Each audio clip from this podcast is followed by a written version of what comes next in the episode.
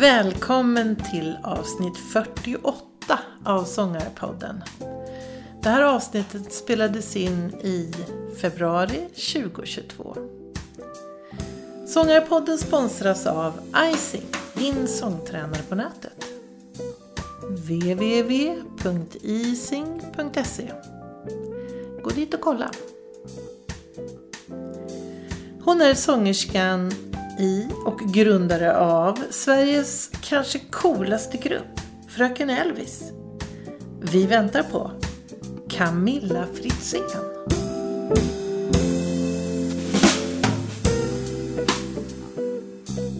Välkommen till Sångarpodden, Camilla Fritzén från Fröken Elvis. Ja, tack så mycket. Jättekul. Och vi sitter nu på pratar med varandra online så vi inte är i samma rum så alla vet det.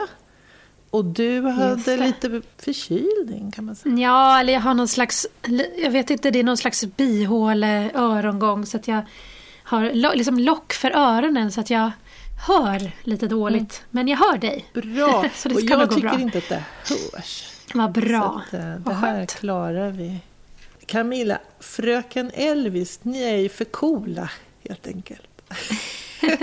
Berätta lite grann om Fröken Elvis-bandet. Ja, vi, vi är fem stycken musiker som eh, ja, vad ska vi säga, älskar att spela tillsammans.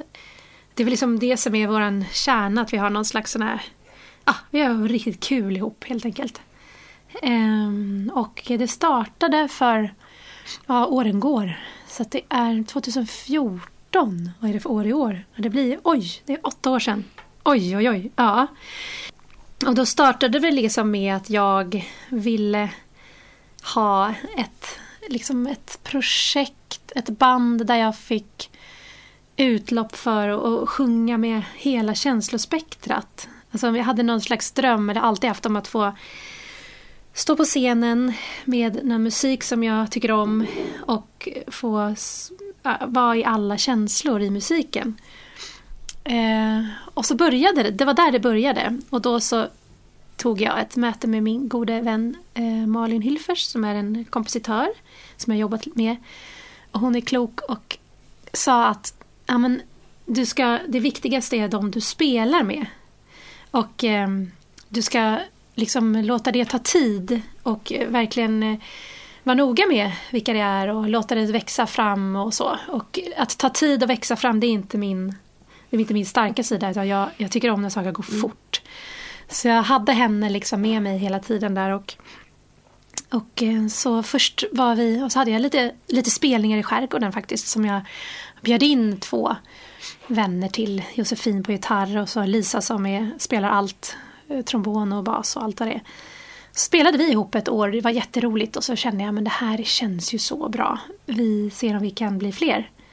Och så pratade vi med Maria som spelar trummor och så var det också jätteroligt, vi hade någon spelning. Och sen så eh, tänkte vi nej men vi behöver liksom ett femte instrument som gör att det lyfter ja, man blir friare och kan göra mer och få en bredare ljudbild. Och då så var det självklara valet Sanna eh, som ja, så, så, så liksom det växte fram långsamt. Mm. ja. Men alltså det var väl väldigt klokt?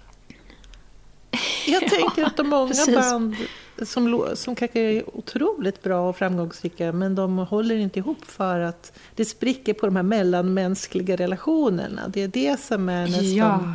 det viktigaste av allt, att man trivs ihop. Oh ja, jag har varit med i, jag, jag har varit med i jättemycket olika grupper och band under liksom min livstid. Och eh, det är alltid, jag tycker att det är så att antingen så är det helt fantastiskt på scen, det klickar mm. liksom. Mm. Eller så är det härligt socialt. Men det, det, viktigaste är på något sätt, eller det magiska är om man kan få till båda. Mm. Eh, och har man inte det sociala då, då går det inte Nej. alls tycker jag i alla fall. Nej, och det smittar ju så, av sig. Alltså, när man ser er live så är det ju liksom en spelglädje som man, man njuter av. Det är jättekul att se helt enkelt. Ja, kul. men den, är, den är på riktigt också. Mm. Hörru du, sen började ju ni som eh, lite grann antyds av bandnamnet då, att spela Elvis-låtar. Hur kom ni på det då? Ja, jo, men det var också Malin då, min eh, vän där som, som eh, faktiskt kastade ur sig bara, men du, jag tycker du bara ska kolla upp Elvis för att det är ingen som har gjort honom på svenska. Som, eh, och eh, tänkte jaha, men det kanske är ett roligt projekt. Vad vet jag. Så började jag lyssna på hans musik. Och det är liksom en... Eh, det var för mig en liksom oupptäckt låtskatt. Alltså hur mycket... Han har spelat in över... Han hann spela in över 700 låtar.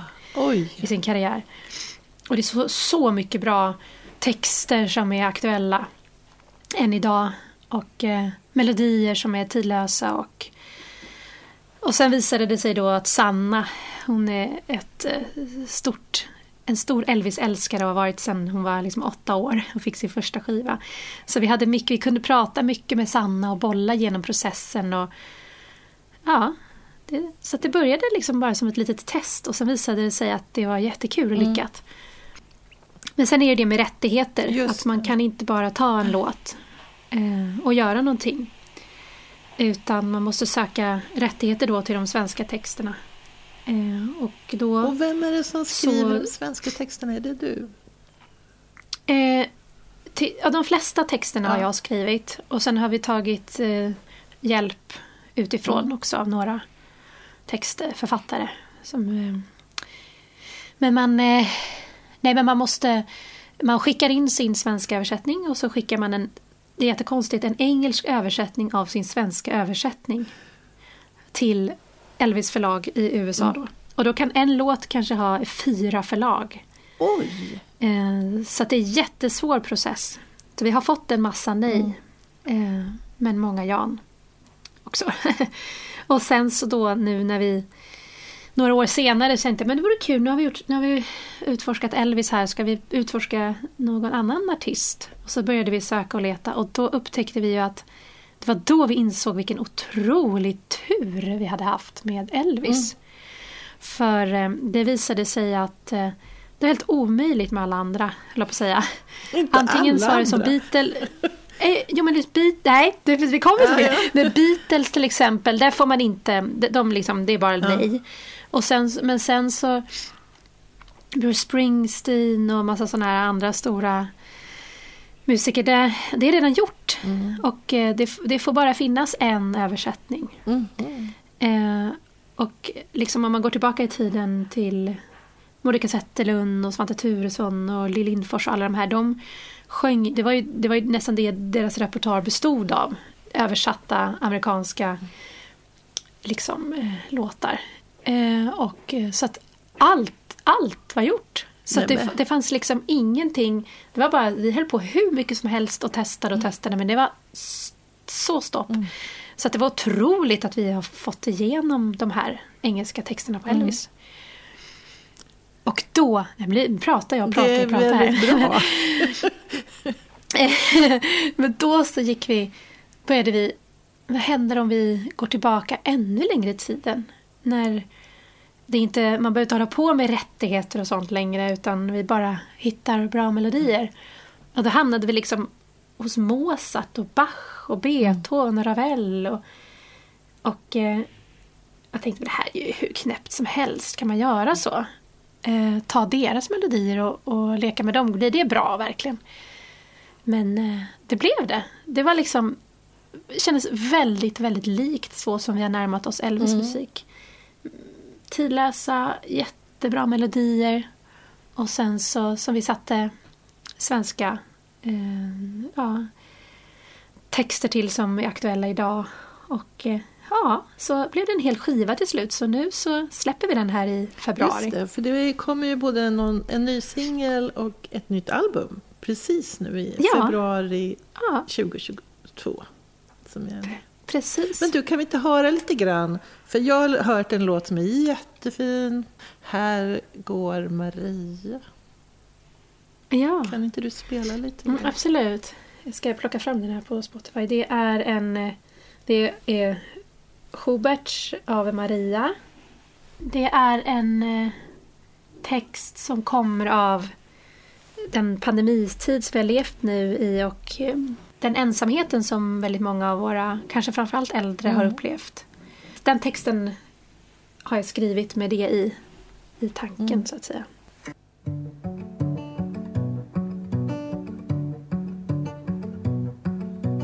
Där går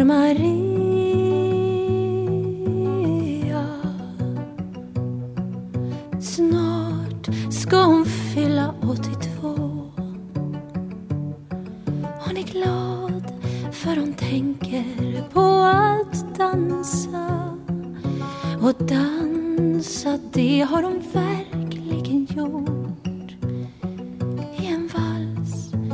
var så hon träffade Klas. så fint. Och sen fick de ett barn. En son. Och Jätte, han jättefint. hälsar på ibland. De har minnen som gör henne glad. Men Maria har många ensamma kvällar. För maken och vännerna finns inte kvar. Där går Maria. ett litet smakprov. På ett sätt kan man ju säga det är väldigt ert sound. Ja, vi har ju ett problem och det är när vi ska fylla i, när man spelar in en skiva och så ska man släppa den, man ska lägga upp den på Spotify eller släppa den till radio eller så. Då måste man alltid fylla i vilken genre det är. Just det. Uh... Och det är liksom, oh, vad, vi vet aldrig vad vi ska kalla det. Så att det kanske är ett eget sound. Ja men det är det ju verkligen.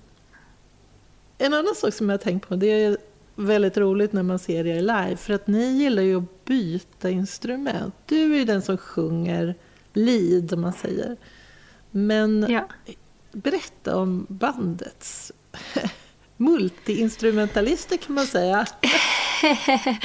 ja, det är framför allt två stycken som står för det och det är Lisa Bodelius och Sanna Andersson. Och, eh, och sen har väl de dragit med oss andra tre i, i det här Eh, sättet. Jag tror att det handlar om en eh, positiv respektlöshet för eh, musik och instrument och att det inte behöver vara så himla perfekt utan att det är återigen liksom är spelglädjen som får vara kärnan och då om man har den inställningen och om man litar på att alla har den inställningen då vågar man ta sig an någonting som man kanske egentligen inte kan.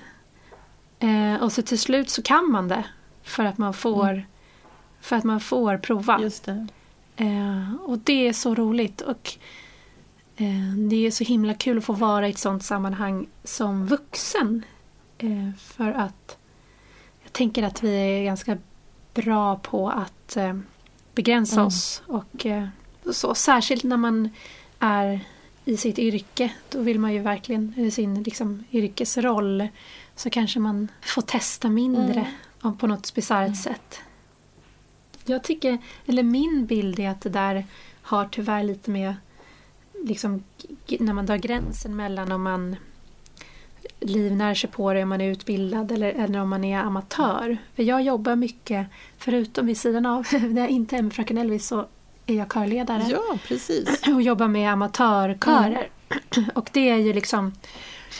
Eh, där finns ju inte den där begränsningen på samma sätt. Utan det är en, som en ren glädje mm. till att bara få sjunga. Mm. Som, som är jag tycker den slår allt, mm. måste jag säga. Och att eh, om man kan på något sätt behålla i alla fall en bit av den där bara tacksamheten på något sätt och bara ja, men rena, rena, rena glädjen mm. bara att få göra mm. det. Man kan behålla en liten bit av det i sitt om man har det som profession mm. sen då är man ju, har, man, har man vunnit mm. mycket. Jag tänkte just att jag skulle fråga om det, fast lite senare då, men då tar vi det nu. Ja, ja. jag vet att du är då, du, ni, du och några till sångpedagoger, ni har startat någonting som heter Vocal House. Mm. Ja. Kul! Och då är det så här sångpedagoger och ni coachar och ni har körer. Och, ja, men berätta, det låter väldigt ja. kul. Ja, ja men det, är, det är helt underbart. Vi är Vi har tio körer faktiskt som rullar varje vecka. Wow! Och det är... Ja, det har växt. Vuxit. Eh, så det började med 12 sångare och nu... Ja, innan pandemin ska jag säga då så var vi ju 450 Oj. eh, totalt. Som är fast massa småkörer och... Och ni är i Stockholm Två då, ska vi tillägga? Ja, ja vid Stockholm. Och det är två, två seniorkörer som repar dagtid och äter soppa och fikar ihop och sen sjunger pop, pop och rocklåtar. Eh, och sen så... Ja, sen vuxna amatörer också. Jätte... Alla nivåer ska jag säga. Som är helt nybörjare men sen har vi några körer som, med sångare som har sjungit länge. Det är bara jätte... Ja, jag tycker det är den perfekta kombinationen. Att eh, Jag känner mig väldigt glad över det. Att få ha något som är liksom på veckobasis och eh, något lite mer konstant. Och sen Fröken Elvis som är mera projektbaserat kan man säga. Jag har ju eh, jobbat som sångpedagog många Mm. år på Balettakademin i Stockholm och Kulturama i Stockholm och eh, Stockholms musikinstitut, SMI, har varit sångpedagog Mm. på, på en musikallinje under många år. Eh, så att jag har liksom, eh, ja, halva jag är körledare och sångpedagog och halva jag är sångerska. Vilken underbar kombination. Ja, det, det är faktiskt jättebra.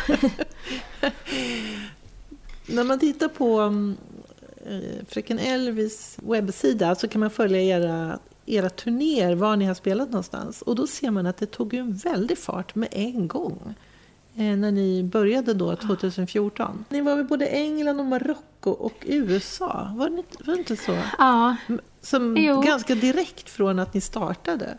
Ja, just de spelningarna hade nog varit så att de kom väl liksom inte ur Fröken Elvis egentligen utan ur min eh, det som jag har gjort tidigare. Mm, okej. Det band som jag har spelat i tidigare och allting så, och de kontakter jag hade och så förde jag in det i, i Fröken Mm. Elvis. Men, så man kan nog snarare säga att, att de från och med när vi spelade på Stadsteatern, på Soppteatern jag tror att det var 2015.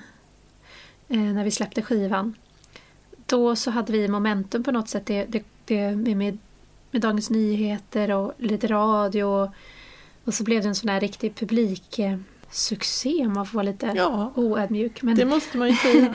Ja, det, det sa lite pang Mm. där på något sätt och, och eh, det ledde till att vi fick eh, egna föreställningar på Klara-scenen på Stadsteatern och sen faktiskt på stora scenen och Parkteatern. Och då var liksom snöbollen på något sätt i rull. Vi blev eh, kontaktade av MTA som är vårt bokningsbolag och de hjälpte oss vidare också. Så att det var, det var väldigt lyckosamt där precis i början. Och sen så har vi väl ja, ridit på den Mm. vågen fram tills eh, vårt eh, lite längre uppehåll här med pandemi och barnafödande och, Mm. och så. Så tan- tanken är att vi ska, vi ska hoppa på snöbollen igen, hoppas vi på Mm. här nu och komma ut och spela. Nu släpper ni skivor och sen är det turnédags. För det är Ja. många ställen som ni ska till nu. Det var ett, ett digert schema. under liksom. våren. Ändå lagom. vi är ju eh, vi är ju en drös småbarnsmorsor i Mm. det här bandet nu. Så att nu är det, ska man pussla med eh, inte bara våra fem scheman utan med våra mäns scheman och förskolans scheman och allting. Så att vårat eh, mål är ju att spela med det här bandet tills vi blir tanter. Eh, brukar vi säga på skämt fast vi menar nog allvar. och eh, då har vi kommit fram till att vi behöver liksom Även här behöver det få ta sin tid. Vi behöver inte tacka ja till alla Nej. spelningar. Vi, kan, eh, vi, kan, vi kommer spela så länge ihop så vi kommer hinna göra det Mm. vi vill. Liksom. Så vår, vi tycker vår turné, vår, vår, vår turné är perfekt lagom lång. Men ändå ganska mycket. Jag vet jag räknade inte men det såg ut att vara en hel del. Så det är inte så här. Ja, jo men det är det. Nej, absolut. Vi, vi, vi tycker att det är lite mindre än vad det har varit kanske några Ja, andra år. det. Jo, men det... det- Det, är med flit och vi tycker det är bra, Just- lagom och bra. Just det. Ja, men alltså när man tänker på er så tänker man så här, ja framtiden, men nu har ni ju redan tagit ett steg in i framtiden kan man säga. Med det här, ni gick från kungen till giganterna, de klassiska kompositörerna. Men om man säger ännu längre fram, vad, vad tror ni att ni är lite sugna på att göra framöver? Jag tror kanske att ni har ju skrivit lite egen musik tidigare och det kanske blir en... Mm. Ja, nästa skiva kanske blir bara, bara egna låtar. Mm. Men vi är också... Även där är det liksom, vi har inga... Vi är bara öppna för... Vi vill bara spela bra musik. Saker som vi tycker är roliga och som det går att göra någonting av och hitta glädje i. Så att vi, vi har inga liksom egentligen sådär, nej inte det där och inte det där och inte det där. Utan vi vill bara spela. Mm, så det kan vara eget eller någon mm. annans mm. musik. Eller kanske någon som eh, skriver någonting till oss. vore väl roligt också. Mm. Ni samarbetar ju med ett antal personer. Vi pratade innan vi började spela in här om Kristoffer Skog som också intervjuade i Sångarpodden. Ja. Eh, fantastisk ja. Eh, sångare, eh, låtskrivare och gitarrist inte minst. Och person. Ja, jättehärlig. Ni samarbetar med lite fler personer och hur funkar det? Jo, men det, vi har nog liksom under de här åren samlats på oss guldkorn. Mm. Från allra, allra, allra första början så har en person som heter Nils Petter Ankarblom, som vi kallar för Nippe, varit med. Och han var nog med när det bara var jag, Lisa och Josefin. Mm. Alltså när vi bara var tre i bandet så var han mm. med från första början. Eh, och han har en förmåga att inte ha några gränser. han är väldigt liksom humoristisk och eh, högt i tak och skriver väldigt fina arrangemang och är otroligt positiv. Eh, så vi älskar att jobba med honom. Och eh, om vi kör fast så ringer vi och säger Nippe, vad ska vi göra? Då kommer han med någon smart idé. Eh, och så mitt i allt det här eh, humoristiska och höga tak så har han också ett Förstår han, han har ett, ett bot, en botten och ett eh, vad ska jag säga? Jag tror att han är en av de personerna som jag personligen klickar mest med musikaliskt. Mm samma preferenser av någon slags svensk eh, musik med någon touch av lite folkmusik i sig. Men väldigt, väldigt textbaserat. Eh, då både han och jag har liksom en fot, har haft en fot inne i musikalvärlden också. Och liksom den typen av historieberättande. Mm. Så vi, det är som att vi ja, vi klickar väldigt bra musikaliskt och personligt också. Men så att, eh, han är en guldklimp. Så honom har vi. Så har vi Kristoffer Skog som också varit med från väldigt tidigt eh, i processen. Och han är ju en sån multimänniska. Så han har liksom varit med och arrangerat och eh, spelat. Men även koreograferat. och eh, funnits med på olika sätt. Och sen Utöver det så har vi haft med oss ett par låt, eh, textförfattare. Eh, Lisa Linder som har skrivit några texter, framförallt i början. Och nu så har vi pratat med en kille som, heter, som är komiker som heter Mikael Blomqvist. Eh, som har skrivit en rolig text här. Och jag, det är väl så att jag är... Jag, jag tycker det är min svaga punkt mm. i texter. Så att ehm, det vi tyckte var kul att ta in någon som har den ingången. Vad kul! Ja. Det, det känns ju väldigt fräscht liksom att inte sluta sig och bara göra allting själva i bandet utan vara öppna och ta in expertis eller vad man ska säga utifrån. Och... Så, så, äh, verkligen och samtidigt som de som jag rabblade, rabblade upp nu, de har ju funnits med många år. så, att, så att vi har ändå, det är nästan som att vi är en litet kollektiv på något sätt. Mm. Det friska blodet blir nog att vi har vikarier ibland om någon behöver vara föräldraledig. Mm. Så att nu så ska vi ha en, en eh, Maria som spelar trummor och slagverk. Hon ska vara föräldraledig och då har vi en trummis med oss som heter Sofia som är en helt ny bekantskap och det ska bli mm. jättekul. Sofia Tolin. Mm. Så det, hon hänger med på den här turnén nu då, på under våren? Ja. ja vad kul! Ja. Hela ditt liv är ju sång. Det är körsång som du, körer som du leder och du är sångpedagog och sen är du artisten. Har det varit musik från start? Ja, min mamma är, eller var danspedagog. Och jag dansade mycket som liten och hon eh, följde med henne väldigt mycket och, och eh, assisterade så småningom och så. Eh, och min pappa jobbar med något helt annat men har ett starkt musikintresse. Men jag har nog alltid sjungit. Det är alltid det som har varit mitt, eh, min grej. Mamma, mamma brukar skämta om att hon eh, tyckte att det var lite för mycket ibland när jag var liten. Jag sjöng och sjöng och sjöng. Så det har liksom... Och så vet jag att jag, jag sjöng och dansade mycket under liksom uppväxten men att jag på något sätt gjorde ett val och då kom jag ihåg att jag resonerade så att jag tycker dansa är kul när man väl gör det på scenen eller så men sjunga är liksom roligt hela tiden. Mm. Det är roligt att öva, det är roligt att det, det, var, det är liksom roligt i hela processen och jag har varit väldigt intresserad av hur det ser ut inne i rösten och stämbanden och allt sånt där. Så att jag, jag har nog alltid sjungit. Mm. Ja. Att ha varit liksom lyckligt lottad att man har haft, eller jag ska säga, föräldrar som har uppmuntrat det och eh, tyckt att det var en bra mm. grej. Eh, det är ju en ynnest. För att jag tycker jag får ofta Folk säger till mig åh, åh du är så modig, åh du är så modig, du, du satsar på musik och, och egenföretagare och frilans och ja, det är så modigt. Men jag känner liksom inte så. Ja, jag vet inte jag ska säga. Jag tycker att för mig, det, jag vet inte, jag kanske låter eh, väldigt eh, högmodigt eller på något sätt, men jag, det kommer enkelt. Mm. Alltså det, jag, jag bara gör. ja, det har inte, att jag liksom tycker att det skulle vara modigare och jobba med någonting som jag inte känner i mitt hjärta och eh, eh, i värsta fall förlora det jobbet och vad har man då? Då har man ju som ingenting. Då har man inte sig själv för att, och inte ett jobb. Mm. Men nu så är det jag som, som styr hela tiden och jag, så att jag ja, det känns väldigt självklart bara. Mm, vad kul! Det är bara att säga grattis till det. Men jag tror i och för sig att det jag ska säga att det, det, det är klart att det kanske underlättar om man har någon form av projektledare, entreprenörs eh, och tycker mm. om det.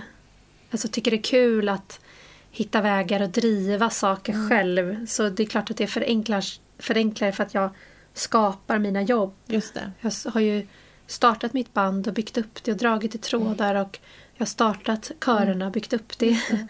och eh, det jag, jag vet jag har Det finns ju de som är som är helt fantastiska på musik och har hela den biten kanske egentligen väldigt nära till hands men eh, inte trivs med det här det. Ant entreprenöriell, entreprenör, entreprenöriella. väldigt enkelt ja, ord. Ja, men precis. Nej, men, och då kanske det eh, blir en motsättning. Just det. Ja, men det har du mm. rätt i, för att man behöver båda. Och det är ju inte, som sagt, alla som har. Eller så får man slås ihop med någon som tycker om att driva saker. Mm. Så kan man kan komma med mig Fröken Elvis. ja. Så kan jag driva. du har utbildat dig på Musikhögskolan. Ja, precis. Och då kanske min, min föräldragenerations du talade om här att man skulle skaffa sig en riktig mm. utbildning och ha ett riktigt mm. jobb. Där kanske min föräldrageneration ändå kom in och tyckte att du kan väl åtminstone skaffa dig en, en musiklärarutbildning. Det. Så det gjorde mm. jag. Eh, det passar mig väldigt mm. bra. Jag tycker att det är väldigt roligt att eh, undervisa och att det ger varandra det olika typer av energier. Mm. Att stå på scen själv och att undervisa. Mm. Du sa förut att du var intresserad av att veta hur det ser ut där nere i halsen. Vad fick du lära dig? Ja, jag hade en, en, en lång period av röstnörderi där jag gick alla sådana här olika skolor som det finns. Det heter Still och det finns CVT och det finns massa mm. olika. Jag åkte till New York och träffade en pedagog där som heter Tom Burke och drog med honom till Sverige och anordnade workshops och, och höll på. Och eh, med väldigt, väldigt tekniskt mm. fokus. Mm liksom hur, hur stämbanden är uppbyggda och hur det ser ut när de svänger. Och jag gick någon forskarkurs med en fantastisk eh, röstforskare som heter Johan Sundberg. Han är intervjuad i liksom Sångarpodden också. Ja men det är klart han är. Han är ju magisk. Ja. Och, Så jag hade min sån långa mm. period och sen så kanske jag kom till en, en plats för några år sedan här där, där jag eh, var, hade ett behov av att lägga allt som hade med teknik och hur man skulle sjunga på så att säga rätt inom situationstecken sätt på hyllan mm. ett tag. Och ha en annan ingångsvinkel eh, som bara var i vad sjunger jag om, inte hur sjunger jag. Eh, och för jag behövde det i Fröken Elvis som mm. artist. För att och ja, så då så la jag min satte jag lite paus på hela den här teknik sångpedagogbiten och ägnade mig bara åt Fröken Elvis och åt eh, mina körer. Som, för som kördirigent så hamnar man inte riktigt i de här djupaste röstnörderi-grejerna utan man kan jobba på ett annat sätt. Eh, så där är jag kvar mm. nu. Så att jag har en liten paus eh, som har blivit ganska mm. många år nu ifrån det här allra mest tekniska. Jag kanske kommer tillbaka, vem vet? Men det här är ju jätteintressant. Tycker du att eh, den vägen att först få en väldigt stor förståelse för det tekniska och sen lägga det åt sidan som du har gjort, att det kan vara en, en bra väg framåt? Jag, ska, jag kan inte tala för alla andra, men jag, jag, jag antar att folks ingång i musik från första, första början inte är tekniskt utan hjärta. Så att det börjar väl där och sen så blir man intresserad och sen så kanske man fast kommer in i det här tekniska.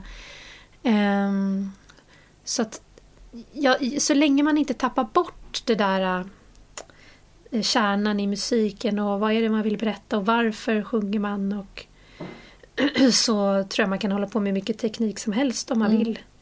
Uh, men jag tror att, eller jag upplevde att det finns en risk i all den typen av skolor och undervisning och att man hela tiden tänker ja men sen när jag kan sjunga den här tonen på, i perfektion då ska jag släppa det och så ska jag eh, bara uttrycka för alla är ju överens om att det viktigaste är vad man förmedlar och hjärtat. Det är i alla fall så alla sådana här kurser inleds med att man säger att det är det viktigaste. Men jag tror att det är, finns en risk att man aldrig kommer dit. Mm. Utan när man fastnar i det här fascinationen och kanske ja, över den perfekta producerade tonen. ja. Men eh, jag hävdar ju att det går att komma dit genom känslorna istället. Mm. Tänker jag. Vad nu perfektion är, jag vet inte. Nej, nej, nej, det kan man ju diskutera. Men det är ändå... Man blir ändå fascinerad över hur mycket man kan skola sin röst om man vill. Men det har ju med smak att göra ska man väl säga mm. också. Alltså en del personer tycker ju väldigt mycket om sångare som har de här jättetekniskt fulländade mm. rösterna som kan som är gymnaster mm. nästan röstgymnaster. Och en del tycker om eh, sångare som knappt kan hålla en melodi. Mm. Utan, så det är ju en smakfråga mm. såklart. För mig så, så är, liksom, handlade det om att kärnan i mitt musicerande när jag väl står där på scenen kan inte vara teknik mm. utan det måste vara närvaro och ett berättande. Mm. Och eh, då tyckte jag att eh, jag ville gå in i det. Jag har liksom en liten, jag tänker så att man blir bra på det man övar på. Mm. Om, man, om man står och övar på att sjunga ens ton eh, tekniskt perfekt så blir man jättebra mm. på det. Om man, stå, om man övar på att vara närvarande och berätta någonting så blir man bra mm. på det. Så, att, eh, så jag ville lägga mitt fokus på det andra mm. ett tag. Ja, men jättekul och kul att höra. Eh, när du är sångpedagog, hur, hur tänker du när du ska liksom ge råd till dina sångelever när det gäller det här? Eh, då ska jag säga att då nu har jag ju då tagit en liten paus mm. så att det är ett par år sedan jag var, eh, undervisade väldigt mycket. Men då undervisade jag väldigt mycket.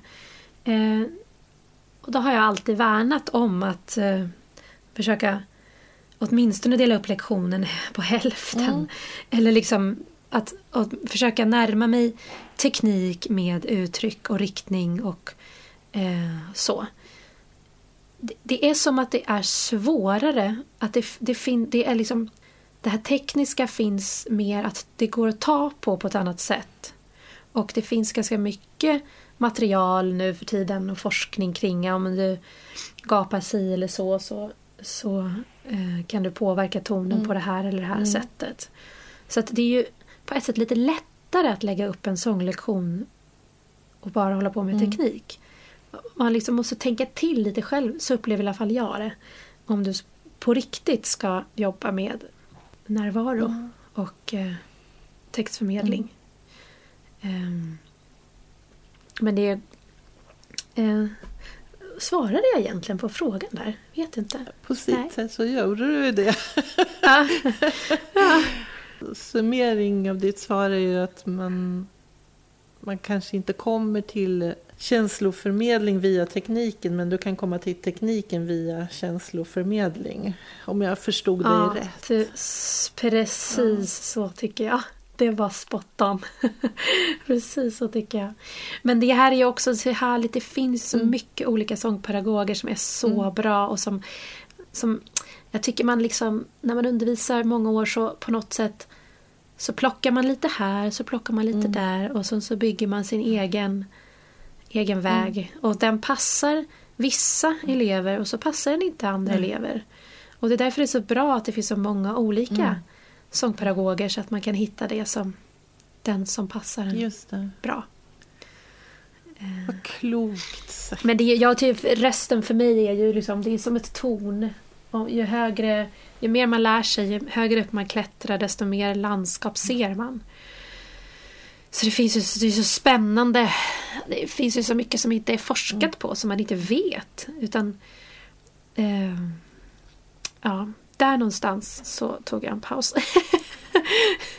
Överifrån och eh, jag tycker närvaro är någonting som eh, intresserar mig väldigt mycket mm. också. Eh, och vad är det som berör? Vad är det som gör att man når sin, den som lyssnar eller medmusikanten? Och det skrev jag faktiskt mitt examensarbete om på mm. Musikhögskolan. och så intervjuade jag lite några sångare som jag tycker är som är bra på att beröra. Mm. Eh, och försökte bilda mig en uppfattning och eh, det var intressant. Verkligen. Det var som att, om man sammanfattningen att man, ja, man gör sig till ett vi i eh, eh ja, nej. Det är så rörigt, jag struntar i att gå in jo, på det. Men det här är ju jätteintressant. För det första, vilka, vilka sånger var det som du... Ja, de, det, när man gör sån där, en, skriver en sån där uppsats så kan informanterna som de heter välja att vara anonyma.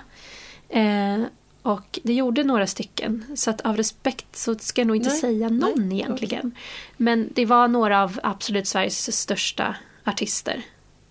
Och folkkäraste svenska mm. artister. Som var med och det var ju otroligt givande att mm. få eh, prata mm. med dem. Och jag tycker det har format mig mycket. Mm. I mitt... Eh, och eh, det handlade om mycket om att skapa, alltså, liksom, skapa sig ett vi med någon antingen i publiken eller i orkestern kanske. Eh, och att eh, om kommunikation, att du står inte, du kan inte, sitta, du kan inte sitta själv i ditt lilla rum och bara Äh, jag, förlåt, jag lyckas inte återberätta det. Jag, det är lite... Ja. det är i alla fall väldigt, väldigt... Eh, närvaro. Mm. Det är en intressant mm. grej. Men det låter ju nästan som de hade, var väldigt medvetna om hur de gjorde. Det är någon, någon form av teknik för att komma ja. till det. Ja, och att det också fanns att, att eh, de hade reflekterat mycket mm. över det. Att uh, inte gå upp och bara riva av Just någonting. Och stå och tänka på köttbullar utan att liksom... För det kan man ju mm. säga att som publik så märker man nog det där väldigt väl. När en artist inte ja. är där så att säga. Ja. Eh, och ri, oh ja. så att säga river av några låtar. Och det finns ju inget tråkigare. Det så är det ju. Jag tycker att det har varit intressant under pandemin för att det har varit så pass en, en paus för, för många, inklusive fröken Elvis då. Mm. Eh, en ganska lång paus borta ifrån scenen och hela den liksom, sättet att spela för en publik. Och det går jag trodde kanske att ja, men jag kommer nog inte vara så bra form vokalt, liksom i rösten, att rent instrumentet skulle behöva ut och jogga, eller säga, men liksom lite som vilken kroppsdel som helst, att man liksom, om man inte använder den så blir man, är man inte i form. Men jag märkte snabbt att, att även fokus och närvaro är en färskvara. Mm. Och någonting som, som man eh, underhåller. Mm. Och eh, det är egentligen inte så konstigt om man till exempel håller på med meditation där man tränar just mm. närvaro och fokus. Så är det någonting man tränar upp. Så det tycker jag, vi var ute på en julturné här nu innan, ja, i december. Och eh, det var min största liksom, eh, utmaning. Mm. Att gå in i de här, vi har en sång som heter I betongen, In the ghetto, som eh, har en, en viktig text och den har jag sjungit säkert 300 gånger. Och att verkligen gå in i den, det var en utmaning. Mm. Och det har inte varit ett problem förut. Ja. Jätteintressant tycker jag. Det är faktiskt aldrig ja. någon som har pratat om. Däremot pratar man ju mycket om att röst, alltså rösten är, röstformen är en färskvara. Och att man behöver ja. hålla igång rösten. Men att närvaro också är färskvara. Aldrig hört. Vad spännande. Ja. Jag tycker det. Koncentration och närvaro och... Eh, men jag, det kanske är så att ingen har pratat om det för att det har inte varit någon pandemi förut. Liksom, man har inte haft, eller jag i alla fall, inte haft ett så här långt uppehåll. Utan men hela tiden kom, när man kommer som liksom. ny artist så borde man ju ha, känna av den här uppförsbacken och sen kommer man till ett läge där man blir bättre på det här. Fast det är klart att sen ja, så får man inte den där konfirmationen av att sen gjorde man en paus och så var det svårt att komma tillbaka. Så att, ja. Men fast precis så som du säger nu så är det ju, tycker jag i alla fall. Om man, när man eh, börjar med en ny konsert eller nytt material, en ny föreställning så är man ju, det kostar mycket mer i förberedelse i, inför varje konsert och i uppladdning och fokus, koncentration. Vad ska jag vad har jag för riktning i den här sången? Vad är det jag vill berätta? Jag måste tänka igenom det. Och sen när du, du kommer in i det och har gjort det flera gånger och kanske på flera turnéer då har du mycket, är det mycket snabbare mm. att hitta i den där eh, platt, till den platsen som du har placerat din, din sång eller din text eller mm. din... Eh, så är det i alla fall för mig att jag, jag liksom gör ett... Jag, jag tänker igenom sången? Vad handlar det om? Var jag, vem är jag i det här? Vad, vad är det för färger? Vad, vad väcker det an i mitt liv och i mina känslor? I min, mitt, i min känslovärld, vad är i min, av mina erfarenheter, vad är det som väcks av det här som jag sjunger nu? Och så är jag, jag är ett sånt förberedelsejobb. Och sen när jag har gjort det ordentligt, då har jag, hittar jag lätt in i det behöver jag inte liksom förbereda mig sen gång 20 jag sjunger mm. sången utan då kan jag gå in och så snabbt hitta in i den bubblan. Mm. Liksom. Ja. det är också spännande, vi som är amatörer. Och vi kan ju hålla våra röster i form, men det här att öva upp och ha närvaron, det kanske är en lite mer utmaning eftersom ja, de flesta av oss, vi eh, stå på scen mycket sällan. Utan det kanske blir några gånger per termin eller sådär. Men jag vet inte, det kanske också är vad beroende på vilken musik man sjunger. Mm. Alltså vad man, vad man gör, i vilket sammanhang. Om man står i en kör till exempel och sjunger så kanske man inte går in och tänker åh nu ska jag förbereda mig, vad handlar det här om? Och så ska man 30 eh, personer göra det. Utan då handlar det om en annan typ av närvaro som handlar om en närvaro tillsammans och hitta gemensam energi och en mm. riktning. Mm.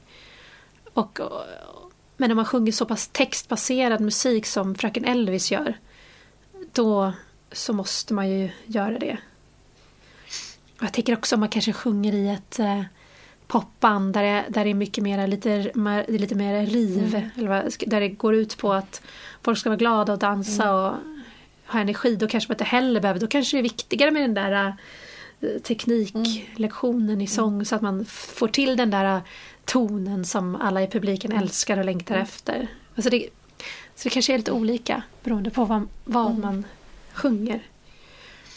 Spännande. Jag tycker det var jätteintressant. Ja, vad kul, för det, det är mitt hjärta, mm. absolut. Mm. Och det som får mig att fortsätta, mm. för att jag trivs i det.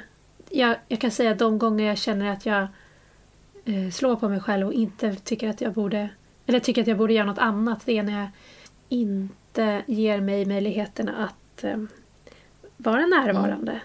För jag tycker, för i min värld så blir det så respektlöst mot eh, de som sitter där och har betalat en massa pengar och lagt en kväll och kanske klätt upp sig, vad vet jag, och kommer och ska lyssna och sen så eh, står jag där och eh, är någon annanstans egentligen. Eh, så det är klart att det händer, men det är, det är det som får mig att vilja sluta. Mm. Så det är därför jag har tänkt mycket på det. Tror jag. Men du ska inte sluta, ni ska ju hålla på tills ni blir Ja, så jag måste jobba på det närvaro helt enkelt. Det blir Elvis av det här bandet istället. Exakt, det, det, det, är det som är målet. Ja. ja. Demens-Elvis. Har vi spelat den här låten? Hur var det nu? Vi brukar ha så här, man får ge ett tips till lyssnarna om någonting som är relaterat till sången. Oj, ett tips. Ja, jag tillhör ju de här som tror att alla kan sjunga. Eh, jag har under mina år, som börjar bli många, som sångpedagog och körledare och så, aldrig träffat någon som är tondöv. Jag har aldrig träffat en enda person. För det har alltid handlat om att det var fel tonart bara eller personen inte har fått hjälp in i rätt röstläge eller så jag tycker att mitt största tips det blir liksom på något sätt att ta alla... Och, jag, jag träffar ofta om jag sitter till exempel på en middag pratar med någon och så, så berättar man ah, vad gör du? Men jag håller, håller på med sång. Oj, jaha, nej jag, jag kan inte sjunga. Hä, vad då, då? Vem har sagt det? Ja, det, det var en som sa det när jag gick i, i lågstadiet och sjöng i Lucia-tåget att du får vara tyst för du förstör bara. Liksom, ta alla sådana där eventuella kommentarer som man har, bara ta dem och kasta ihop dem i en liten boll och kasta ut den genom fönstret i någon sopa, närliggande soptunna för att eh, jag tror att alla verkligen har en röst. Om man vill sjunga så har man det. Ja, det är ingen annan som har rätt att säga att man inte har det. Och det, är, det, är, inte så, det är inte så hokus pokus utan det är bara en träning som är allt annat. Om man man blir bra på det man gör. Så om man sjunger så blir man ju bra på det. Var det ett vidare tips? Det var ett tips. Sjung. Sjung mitt sjung tips. Bara, om du vill sjunga så sjung. sjung bara. Jag tycker det var ett jättebra tips. Eh, jag tror samma sak. Och eh, ett av mina så här, som jag brukar säga till folk, det är ju att det svenska språket är ju väldigt melodiöst och ganska precis när man pratar. Och eh, alla som klarar det är ju, det är ju ingen, man kan ju inte vara tondöv och prata svenska egentligen. Jag tror inte det. Nej. Så. Ja, nej jag tycker, jag har jobbat med eh, så, även liksom inne på olika sådana företag och gjort liksom mm. ja, olika körsaker på mm. företag och friskvård och allt vad det är. Jag har liksom aldrig kommit till en enda plats där vi inte efter en timme har sjungit trestämmigt. Alltså det, det, det är så otroligt men jag, jag, tror också att det ligger liksom i våran folksjäl på något mm. sätt att sjunga.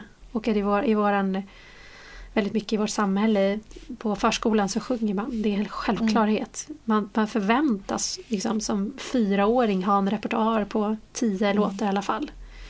Det, det, tar man för givet att alla har. Så vi sjunger och sjunger och sjunger. Det är så mm. härligt.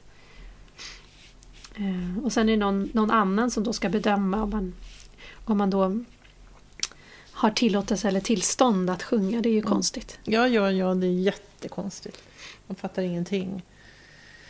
Men det är sådär, de här, eh, det finns ju oänd, oändligt antal eh, historier om att folk har just fått de där kommentarerna när de är små. Och så blir det ett trauma för hela livet. Det är väldigt tråkigt. Ja, ja det är hemskt. Men jag hoppas att det inte är så längre. Att de där historierna, det var förut. Att det är inte så, Ja, inte så det vanligt kanske är så. längre. Jag hoppas det.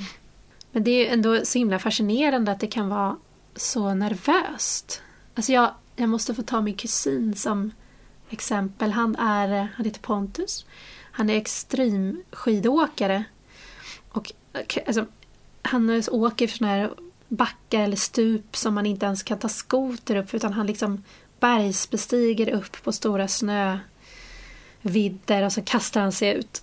Och sen så önskade han sig en sånglektion av mig i julklapp. Och då hade vi det och han var så nervös. Jag tänkte, men gud, hur, varför är du så nervös? Liksom, du kastar ju ut för stup. Ja, men det, det går inte att jämföra med det här. Jag ska, ska stå här i det här rummet och så ska jag sjunga. Mm. och det är så... Uh, tänk att det är så. Det är verkligen otroligt. Liksom, att det, det, det måste vara att man... Det är liksom känsloport på något Mm. sätt med Ja rösten. men absolut. Fint. Vilket är ju fint. Det är väldigt fint att det är det. Nej men också, det har vi pratat förut om i podden här, det här var att komma fram till ett läge där man tycker om sin egen röst. Det är också ett, Mm de flesta gör inte det, utan de, särskilt man hör den inspelad så tycker man att det är ganska jobbigt. Och, Kanske någon, eh, Johan Sundberg eller någon redan har berättat men jag, jag älskar det här tankesättet att djupa, mörka frekvenser de svänger lättare.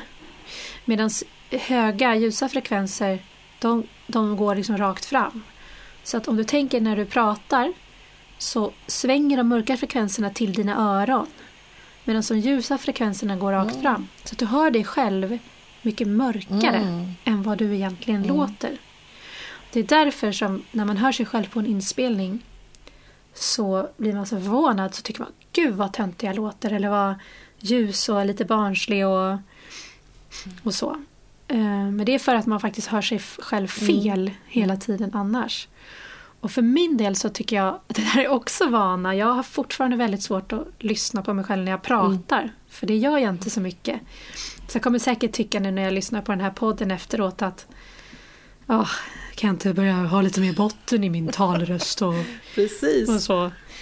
Eh, men när jag sjunger så är jag så van vid Mm. att höra mig själv så det, jag vet hur det ska låta.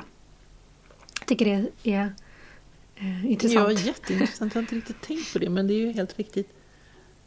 Jag har ju samma, att jag tycker det är okej att höra mig själv inspelad när jag sjunger, men när jag pratar, jag har ju ganska svårt att höra på de här.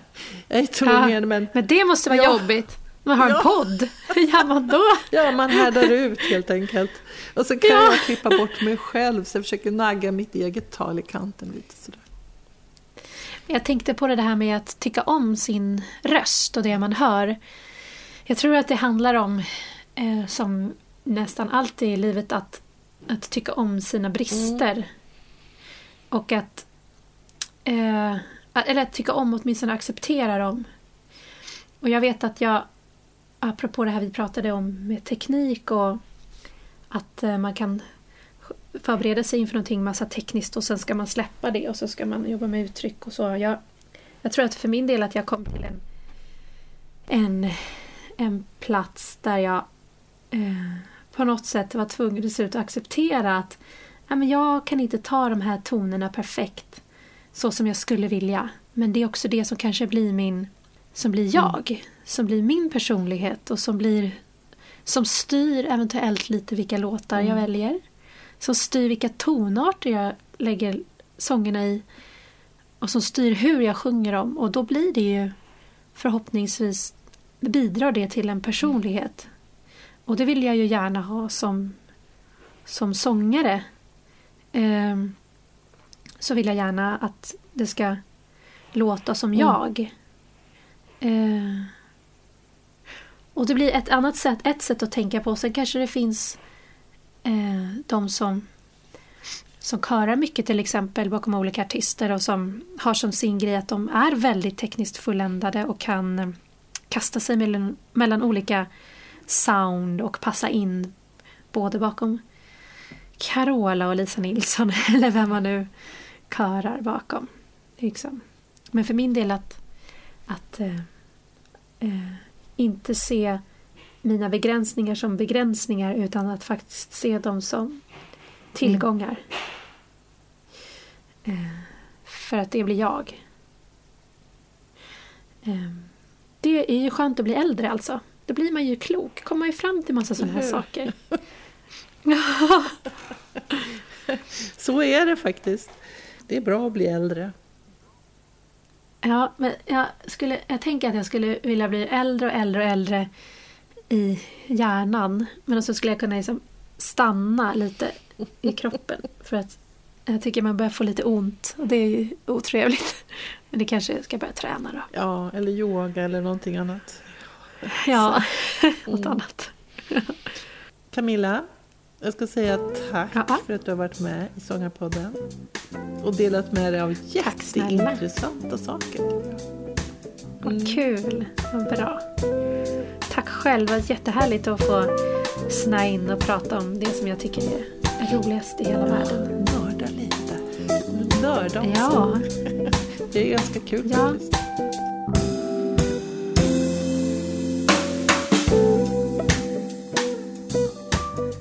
Du har lyssnat på Sångarpodden.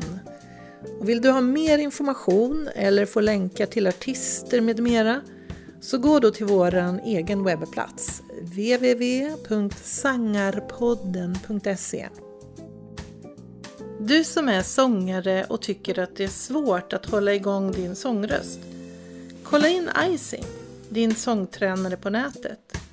Gå in på www.icing.se ising.se så får du veta mera. Vi hörs!